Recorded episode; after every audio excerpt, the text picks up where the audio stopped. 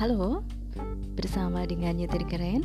Saat ini kami ingin bercerita mengenai latar belakang propaganda pentingnya mengemudi aman dan nyaman bagi wisatawan. Kemacetan merupakan salah satu persoalan di kota Bandung Yang sampai sekarang belum dapat diatasi dengan baik. Kota Bandung baru saja ditahbiskan sebagai salah satu kota termacet di Asia. Survei Asian Development Bank menempatkan kota Bandung di peringkat ke-14 di kawasan Asia. Hasil kajian yang dilakukan oleh Nur Kansa dan Idil Akbar mengemukakan bahwa kemacetan lalu lintas saat ini menjadi hal yang dianggap paling menjadi masalah dan memerlukan penanganan di mata mayoritas warga kota Bandung. Hal ini juga sesuai dengan penelitian yang dilakukan oleh Indonesian Politic Research and Consulting kepada 440 responden warga Kota Bandung yang berusia 17 tahun ke atas, di mana hasil menunjukkan bahwa kemacetan menempati peringkat tertinggi sebagai masalah paling mendesak yang harus segera ditangani oleh pemerintah Kota Bandung dengan angka 28 persen.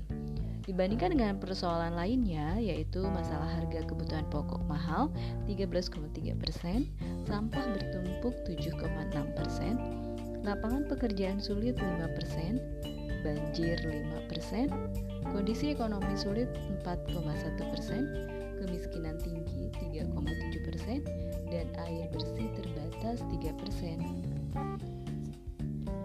Pemerintah sudah berupaya untuk dapat menangani masalah ini, yaitu dengan menambah infrastruktur jalan.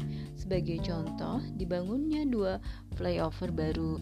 Akan tetapi, hal ini juga tidak membantu mengurangi kemacetan karena sekarang ini kemudahan untuk mendapatkan kredit kendaraan bermotor dengan uang muka dan cicilan yang rendah semakin tinggi.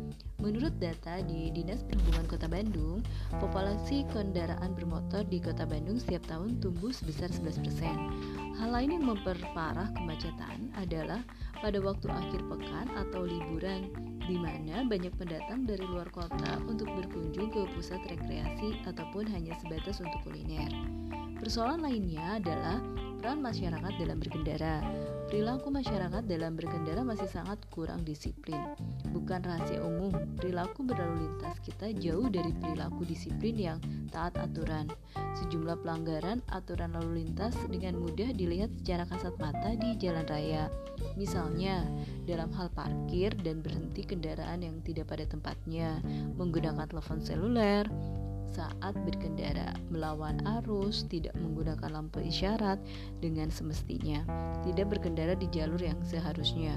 Pelanggaran-pelanggaran ini masih sering dijumpai, padahal ada aturan hukumnya, yaitu Undang-Undang Nomor 20 Tahun 2009 tentang lalu lintas dan angkutan jalan.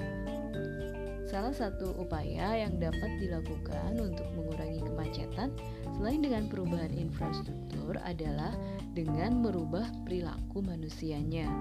Harapannya dengan pola perilaku mengemudi yang disiplin dan taat aturan akan mengurangi tingkat kemacetan.